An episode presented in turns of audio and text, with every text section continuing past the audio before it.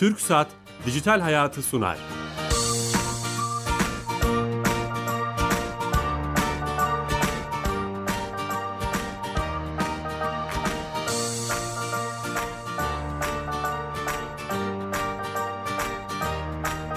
Herkese merhaba, ben Bilal Eren. Teknoloji, internet ve sosyal medyanın daha geniş anlamda dijitalleşmenin hayatımızı etkilediğini konu edindiğimiz Dijital Hayat programımıza hoş geldiniz.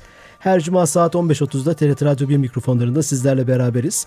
Bugün önemli bir konuyu genetik felaket mi, üstün insanlar dönemi mi jenerik başlığıyla çok değerli bir hocamızı konuk ediyoruz, misafir ediyoruz. Üsküdar Üniversitesi Moleküler Biyoloji ve Genetik Bölüm Başkanı Profesör Doktor Muhsin Konuk hocamla beraberiz. Hocam hoş geldiniz. Hoş bulduk. Çok teşekkür ederim. İyi Şeref verdiniz diliyorum. hocam. Estağfurullah. O şeref bana ait. Ee, bu kadar yoğun bir e, zaman diliminde sizi buraya getirdik ama e, çok önemsiyoruz bu konuyu. Çok da haber çıkıyor. Bilmiyoruz da çok iyi. Sizden öğrenelim istiyoruz. Genetik mühendisliğini özellikle bu DNA'sı değiştirilmiş, tasarım bebekler. Çok haberler de çıkıyor medyada. Evet. Tabii medyanın bu işleri habere haberleştirme şeyi de başka bir evet. türlü oluyor.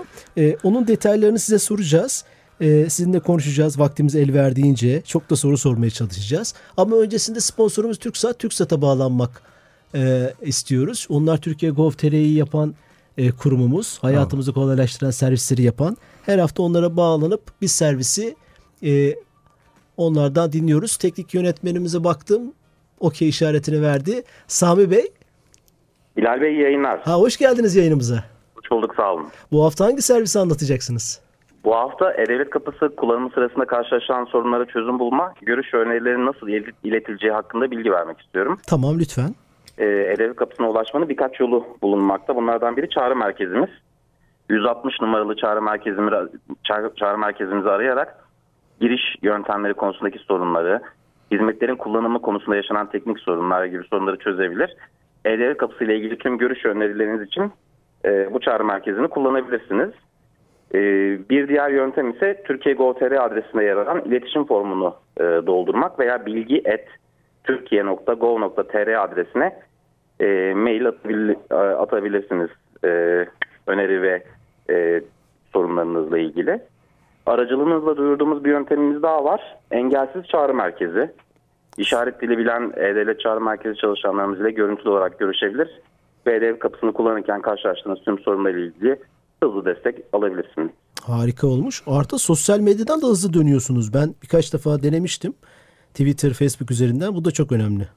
Evet, sosyal medyada iletişim kanallarımız arasında. Arasında evet. Çok teşekkür ederiz. Ben teşekkür ederim. İyi Sağ olun, abi. teşekkürler. Evet TürkSat'a bağlandık. Bir problemle karşılaşacağımız zaman yardım çözümlerini bize söylediler. Tekrar edeceğim. Üsküdar Üniversitesi Moleküler Biyoloji ve Genetik Bölüm Başkanı Profesör Doktor Muhsin Konuk hocamızla beraberiz. Hocam bu şu şöyle şöyle başlayalım mı? DNA nedir? Genetik nedir? Biyo biyo e, biyo moleküler biyoloji, biyoloji nedir? nedir? Evet. Ben bile konuşurken bunları telaffuz ederken zorlanıyorum. Bunları bir ayıralım mı hocam? Evet aslında e, şöyle diyeyim yani e, DNA ve e, genler moleküler biyolojinin çalışma alanını oluşturan temel unsurlar. DNA bir molekül. Bu özellikle bizim vücudumuzun hangi dış görünüşe sahip olacağını kodlarının yazıldığı ve dört farklı sembolle kodlanmış olan yani bu kodun tamamı dört farklı sembolle yazılmış ve normal olarak e, bizim her bir hücremizde yaklaşık 100 trilyon tane hücremiz var. Her bir hücremizde uzunluğu ortalama 2 metreyi bulan e, bir e, kod sistemi. Bu, bu kod sistemindeki bilgileri eğer biz normal olarak böyle deşifre edecek olursak 10 punto A4 kağıdı tek satır aralıkta yaklaşık 1 milyon sayfalık bir e, deşifre e, hali ortaya çıkıyor. Her insan için. Her ins her bir hücremizde bu. Her bir hücre Her için. bir hücremizde ve e, tabii 100 trilyon hücremiz var. 100 trilyon hücremizin her birisinde aynı şifre var. Kodun hepsi aynı. E, bunlar aslında şöyle diyebiliriz. Hani 46 tane kromozomumuz var. Bu kromozomların her birini bir cilt olarak düşünürsek her bir cildinde yaklaşık işte 25-30 bin e, sayfalık bir bilgi hazinesi saklıyoruz aslında vücudumuzda.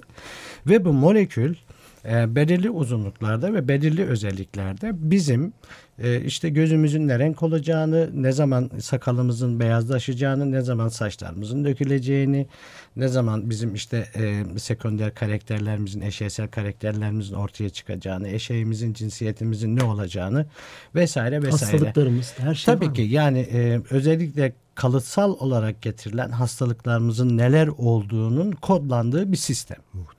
E, bu, bu, bu molekülün belirli parçalarına biz gen adını veriyoruz ki işte zaten hani genetik bilimi de bu genleri çalışıyor. E, normal olarak e, ilk defaki çalışmalar e, Gregor Mendel'le 1864 yılında ilk defa bezelyelerde yaptığı çalışmalarla bu bilimin temelini atıyor ama o zaman o genin ne olduğunu, gen kavramının ne olduğunu bilmiyordu. Daha bu 1910'lu 20'li yıllardan sonra gen kavramı ortaya çıktı. Sonra genlerin kromozomlar üzerinde yerleşik halde bulunduğu belirlendi. E, derken e, 1953 yılında e, ilk defa bu DNA dediğimiz molekülün yani genlerimizi oluşturan o temel molekülün molekül yapısı aydınlatıldı. E, arkasından e, o güne kadar yani hala 1953-54'lere kadar insanlar e, protein adını verdiğimiz e, başka moleküllerin bizim genlerimizi oluşturduğunu çünkü onların daha kompleks yapıda olduğunu DNA'nın çok basit yapıda olduğu için bizim böyle e, karakteristik özelliklerimizi dış görünüşüm, iç görünüşümüzün ne olacağını belirleyemeyeceğini düşünüyorlardı. Ancak e, 1953-54 yılında yapılan çalışmalarla özellikle bakteriyofaj dediğimiz bakterileri yiyen virüslerin e, özelliklerine dayalı olarak yapılan çalışmalarda genetik şifremizin bizim e, DNA molekülünde olduğu belirlendi. Arkasından e, bu DNA dediğimiz molekülün özellikle hücre bölünürken e, çünkü aynı kopyanın e, yeni yavru hücrelere aktarılması lazım. Bu e, genetik kodumuzun kendini yenileme özelliği var. Bu özelliğin nasıl olduğu 1958 yılında ortaya çıkartıldı ve bu bilgiler belirlendikten sonra da hızlı bir şekilde DNA üzerine insanoğlu hakikaten yoğunlaştı. E, Ondan sonra işte biyoteknoloji dediğimiz bir e, alan ortaya çıktı. Bu, bu nedir aslında biyoteknoloji? Teknolojik ürünlerin biyolojik e, organizmaları, biyolojik varlıklar tarafından üretilmesini sağlamak.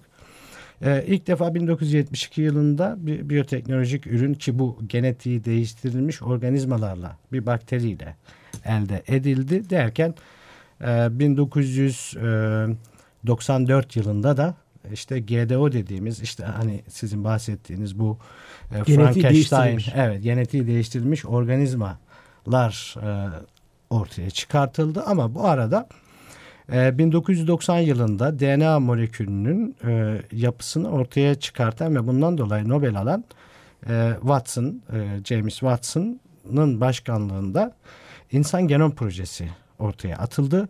Nedir hocam? Bu insan genom projesinde işte bizim bu e, DNA'mızdaki yani her bir hücremizdeki 2 metre uzunluğundaki bu molekülün e, o şifrelerinin sıralanışının nasıl olduğu, dolayısıyla sağlıklı bireylerde nasıl olduğu, hastalıklı bireylerde nasıl olduğunun ortaya çıkartılması için o e, şifrenin dizilenmesi e, yöntemi yapıldı. Aslında ilk başladığında 2015'lerde falan bitmesi tahmin ediliyordu. Fakat işte bu dijital çağın e, verdiği imkanlarla, yapay zekanın verdiği imkanlar ve Daha hızlı mı bitti? e, daha hızlı bitti. Yani haritamızı mı 2003 yıl- çıkardı? haritamız 2003 yılında ortaya çıkartıldı.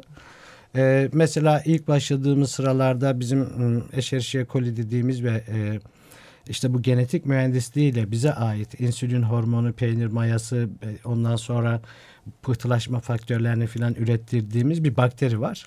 Hatta bu bakteriyi halkımız şöyle de bilir, kolibasili olarak bilirler. Hani bu Ah, denizlerde filan evet. e, bu kirliliğe e, neden olduğu söylenen e, bu kolibasilinin e, genetik yapısı bizden daha önce ortaya çıkartıldığı için e, bizim o eksik olan genlerimizden daha doğrusu genlerimizin bozukluğundan dolayı sentezlenemeyen bazı şeylerimiz artık onlara ürettirilmeye başlandı. Derken şimdi artık aşılar ve benzeri şeyler de aynı şekilde e, bu organizmalar tarafından üretililiyor. Şimdi e, Çok Bin- güzel 1900 tarihçesini de verdiniz aslında. Evet 1993 yılında genom projesi bittikten sonra e, bu sefer e, bizim sağlıklı genlerimizin dizilişi nasıl? Hastalıklı olan insanlardaki hastalık genlerinin dizilişi nasıl? Bunlar üzerinde çalışılmaya başlandı. E, ve e, bugüne kadar işte geldik. E, bugün itibarıyla özellikle gen e, cerrahisi dediğimiz ya da gen düzenlemesi dediğimiz bir e, teknolojiyle karşı karşıyayız. E, tabii bu tarihçenin içerisinde e, mesela e, 1997 yılında 96 Şubat'ı idi hatırladığım kadarıyla e, klonlama yapıldı. Hatırlarsanız İskoçya'da Ian Bilmut ve bir arkadaşları. koyun vardı. Koyun. Evet, Dodi evet, Dodi evet bir koyun Dolly. Dolly. E, Dolly'yi e, klonladılar. Aslında proje e, bir koyunu klonlamak değildi. E, orada da yine bir takım e, genetik manipülasyonlar e, yapma e, ile bu durum ortaya çıktı. Mesela e, insanlarda bizim insan olarak e, en zayıf olduğumuz e, varlıklar virüsler. Virüs mesela bakterilere karşı antibiyotiklerimizi kullanıyoruz. Tedavi oluyoruz ama virüslere karşı çok zayıfız. Onlara karşı çok ciddi ilacımız yok. Ancak interferon dediğimiz bazı proteinler var. Bu proteinler onlara karşı bizim bağışıklığımızı artırıyor. Onlarla mücadelemizde bize ciddi destek oluyor.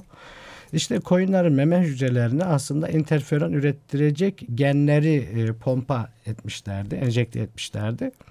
Ve e, sütün içerisinde protein olduğu için e, koyun zaten sütün üretiyor. Sütün içerisinde protein var. Dolayısıyla bizim istediğimiz interferonları da üretmeye başladılar. O arada e, Wilmut ve arkadaşları e, görüyorlar ki bazı meme hücreleri hala embriyonik dönemde kalmış. Zaten e, şu andaki en önemli konularımızdan bir tanesi de kök hücreler malumunuz. İşte bu embriyonik hücreler de kök hücreleri oluşturuyor. E, sonradan işte o, o embriyonik hücrelerin çekirdekleri değiştirilmek suretiyle Dolly ortaya çıkıyor. O aslında hedefli bir şey değil ama bir projenin yan ürünü e, olarak karşımıza Koyun çıktı. seçmelerindeki sebep proteinden dolayı mı? Sütten dolayı mı koyun? Başka Evet. hayvan değildi. Ya, koyun. keçiye de yapabilirlerdi, Ha, ineğe de yapılabilirdi ama e, onlar o anda işte e, Genelde bu tip bir- testler farelerde falan yapılıyor ya yani koyunu e, seçmeleri. Şimdi fare çok fazla süt vermiyor. Neticede siz yani sütü çok fazla üreten bir hayvan seçmek durumundasınız. Koyunun bakımı daha kolay. E, gebelik süresi daha e, az vesaire. o İşte, proje ne oldu hocam? Çok tartışılmıştı e, etik yo- ahlaki yönden. yo- devam yani e, orada etiki ahlaki yönler tartışacak bir şey yok aslında. Bu teknolojiyi kullanarak yani klonlama teknolojisini kullanarak şu an yeryüzünde e, tek bireyi kalmış olan e, canlı türleri var, hayvan türleri var. Bu hayvan türlerinin e, tekrar e, çoğaltılması sağlandı. Mesela e, Suudi Arabistan'daki bir e, oryx dediğimiz bir gazel türünün bir tek erkek bireyi kalmıştı. E, o bireycinin e, işte çekirdekleri ona çok yakın bir canlıya aktarmak suretiyle onun nesli Suyu tükenmedi yani. e, evet soyu tükenmedi. Şu an devam ettiriliyor. E, dolayısıyla Bir şey söylediniz bir de hocam. Lütfen sözünüzü kestim ama manipülasyondan bahsettiniz. Bir manipülasyon bir de sıfırdan üretmen var tasarımla. Ee, ne demek o? Şimdi aslında e, biz e, normal olarak şu anki teknolojimiz e, sayesinde e, sıfırdan bir gen oluşturma imkanına sahip değiliz. Değiliz. Ancak biz e, genlerde bir arıza varsa, bir bozukluk varsa bu arıza ve bozukluğu giderecek yönde gen cerrahisi yapacak düzeye geldik insanoğlu olarak. Ee, bunun birkaç tane teknikleri var. İşte talent tekniği var, zinc finger tekniği var. Ama en kolay ve en kullanışlı ve en ucuz e, olanı e, CRISPR-Cas sistemi dediğimiz bir sistem. E, bu sistem de aslında e, bakterilerin kendilerini e, kendilerinin bağışıklık sistemi olarak kabul edilen bir yapıdan e, ortaya çıktı. Bu keşfedildikten sonra ortaya çıktı ve bu sistem artık sadece bakterilerde değil insanlarda, hayvanlarda, bitkilerde de rahatlıkla uygulanabilir hale geldi. Yani bu teknik kullanılmak suretiyle özellikle mesela şu anda e, bizim e, bazı arkadaşlarımızın e, oluşturduğu e, öğrenci dernekleri var bu nadir hastalıklarla ilgili. Nadir hastalıkların yüzde e, 85'inden fazlası genetik hastalık. Mesela hocam. Ee, mesela çocuklarda e, böyle anomali şeklindeki doğumlar, geri zekalı e, olarak doğumlar vesaire gibi çok yaygın olmayan ancak e, dünyada sadece işte diyelim ki bu kadar dünya nüfusu içerisinde 10 bin kişiyi etkileyecek hastalıklar. Bunlar insanların çok dikkatini çekmiyor. Ama e, hani e, birisi deniz yıldızlarını e, denizin kenarına gezerken denize at, atıyormuş da biri demiş ki ya yani deniz yıldızı değil mi yani ne, ne uğraşıyorsun bu işine? Demiş ki sana göre deniz yıldızı ama o aslında kendine göre bir hayatı var. O onun hayatı. E, bunu çekmeyen insanlar çok fazla bilmiyor. E, nadir hastalıklarla beraber özellikle şimdi mesela kanser tedavisinde kullanılan e, son teknik olarak immünoterapi dediğimiz bir sistem var. Bu immünoterapide e, özellikle e, e, insanların bağışıklık sistemini oluşturan hücreler e, tümör hücrelerini e, algılama ve onları belirlemede e, körlük yaşamaya başlıyorlar. Ondan sonra zaten tümörler gelişiyor. E, tabii bu da özellikle onların e, her hücrenin dış yüzeyinde o hücrenin hangi dokuya ait olduğunu belirten filama gibi molekülleri vardır.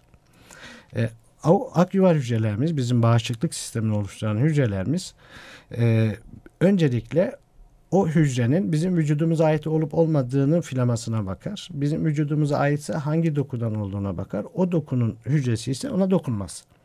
Ama bizim vücudumuza ait değilse mesela diyelim ki işte bakteri bizim e, nefesimizde başka şekilde ya da virüs vücudumuzun içerisine giriyor. Onun dış yüzeyindeki molekülüne bakarak akyuvar hücrelerimiz onları yabancı olarak görüp zaten o moleküller bir şekilde askeriyedeki parola gibi o parolayı veremediği zaman onu tutuyor, yiyor. Ortadan kaldırıyor, enfeksiyon yaptırtmıyor. Kanser hücreleri de işte bir takım dönüşümlere uğruyor. Özellikle e, o dış yüzeyindeki glikolipid dediğimiz yani e, yağ ve e, şekerden oluşan moleküllerin yapısında değişme meydana geliyor. Bu değişiklikten bizim savunma hücrelerimiz e, onları tanıyor. Fakat savunma hücrelerimizde meydana gelen bir bozukluktan dolayı bu sefer onları tanımada ciddi sıkıntı Başarılı yaşıyorlar. oluyor o zaman onlar. Sıkıntıyı yaşadıklarında onu kanser hücresi, yabancı hücre olarak görmüyor. O da orada İçeri tümör- yerleşiyor. o yerleşiyor ve tümör gelişiyor. Ondan sonra damar ağına e, ya da dolaşım sistemimizin lenf ağı da olabilir. Hangisine yakınsa e, e, oradan da vücudun diğer yerlerine kendisini gönderip oralarda çoğalmaya başlıyor. İşte hani vücudu sarması ya da metastaz dediğimiz hadise de bu. Şimdi bu teknolojiyle gen Şimdi ne- bu ne teknolojiyle ne yapılıyor? Ee, Bizim e, kan hücrelerimiz alınıyor. Yani kanserli e, insanların kan hücreleri alınıyor. O kan hücrelerinde kanser hücresini e, tanımakta zorluk çeken genler susturulmuş olabilir. E, ya da e, deaktif hale getirilmiş olabilir. E, ya da bir bozukluktan dolayı ürün veremiyor duruma düşmüş olabilir. Önce ona bakılıp ona göre artık bizim laboratuvarlarımızda DNA synthesizer dediğimiz cihazlarımız var. O cihazlarla siz genetik kodunu verdiğiniz zaman o koda göre 2 saatte 200 pikomol düzeyinde sizin geninizi sentez yapıyor. O geni bu sefer o hücrelerimize aktarıyoruz. E, İşte bu gen editing dediğimiz yani gen düzenlemesi dediğimiz yöntemlerle bu da çok hassas bir yöntem aslında. Yani genin nereden kesilip onu çıkartılıp yeni genin nereye takılacağını o mekanizma belirliyor zaten. E, bununla hücrelerimiz tekrar programlanıyor. Yani genetiği düzeltiliyor. Genetik bozukluk ortadan kaldırılıyor, tamir ediliyor.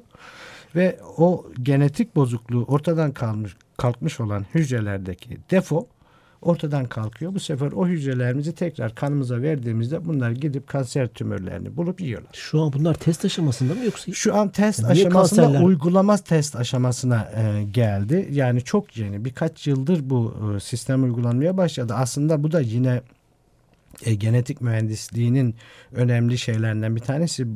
E, Aziz Sancar hocamızdan bir yıl önce Nobel'i alan e, Japon bilim insanı bizim normal e, gelişmiş ve yaşlanmış, olgunlaşmış hücrelerimizin biz normal şartlarda tekrar programlanamayacağını biliyorduk.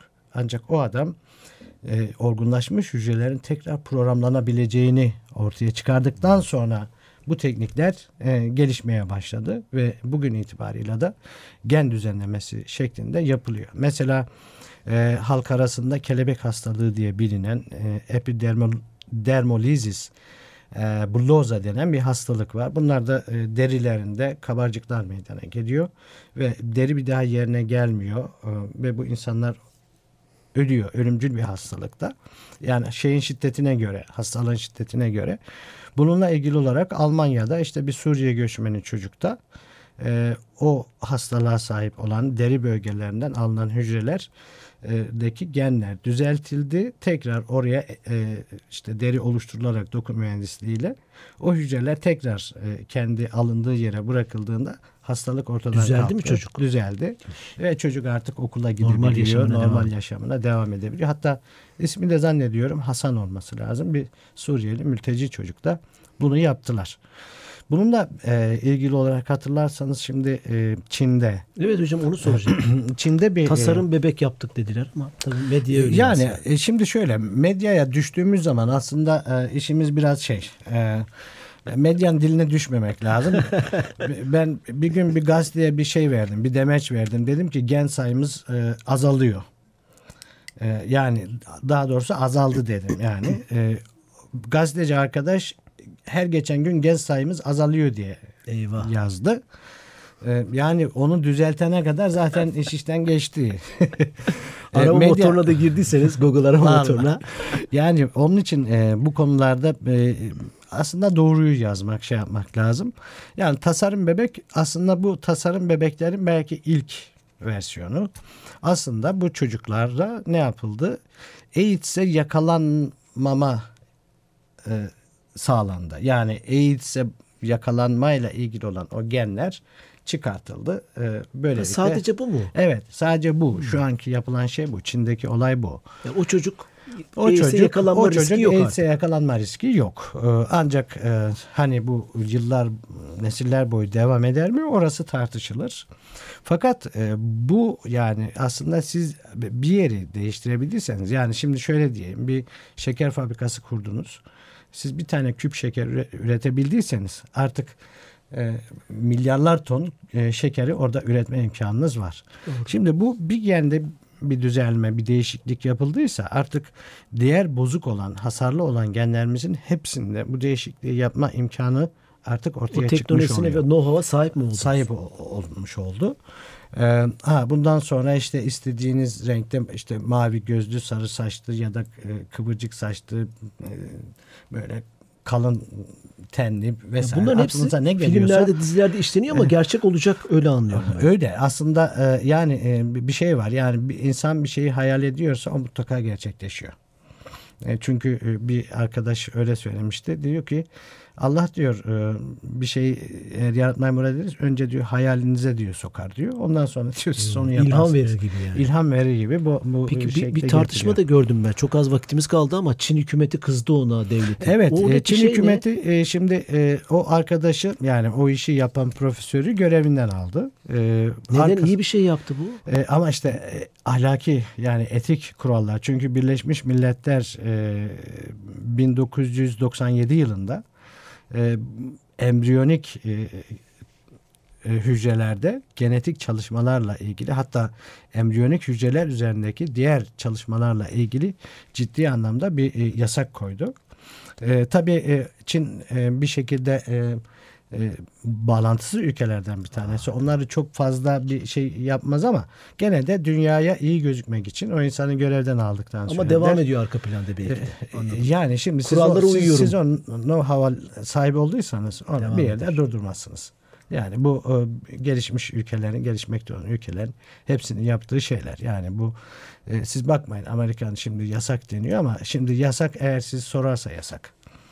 Evet hocam siz deryasınız tabii. Derya ile konuşmak. Programımızın son 40 saniyesine geldik. Ne çabuk. Hocam Twitter'ınızı doyuruyorum. Siz Twitter'dan, Facebook'tan bunları anlatıyorsunuz değil mi? Tabii tabii Ara paylaşıyorum. ara böyle tabii, paylaşıyoruz tabii, haberleri, paylaşıyorum. gelişmeleri, Hatta kendi e, fikirlerinizi. New Scientist ve The Scientist'in e, haftalık bana gelen e, özet e, raporlarını e, günlük paylaşıyorum. Süper. Twitter'ınızı alalım mı hocam? E, Muhsin Konuk. Lütfen takip edin hocamızı ve bunları daha detaylı öğrenmeye Facebook İstiyoruz. sayfasında da özellikle Profesör Doktor Muhsin Konuk sayfamdan paylaşıyorum. süper. Hocam çok teşekkür ederiz. Ben Vaktimizin teşekkür sonuna ederim. geldik. Ee, e, Aslında geniş vakit olsa da şöyle iki gün konuşsak yapalım bunları. yapalım hocam program yapalım. Genetik mühendisliğini konuşmaya çalıştık. Bir felaket mi yoksa üstün insanlar dönemi mi? Ee, bu programımızın kaydını pazartesi günü YouTube kanalımızda bulabilirsiniz. Dijital Hayat TV kanalımızda. Çok da çok te- tekrar teşekkür ederiz hocam. Estağfurullah. İyi hafta sonları. Hoşçakalın. Evet.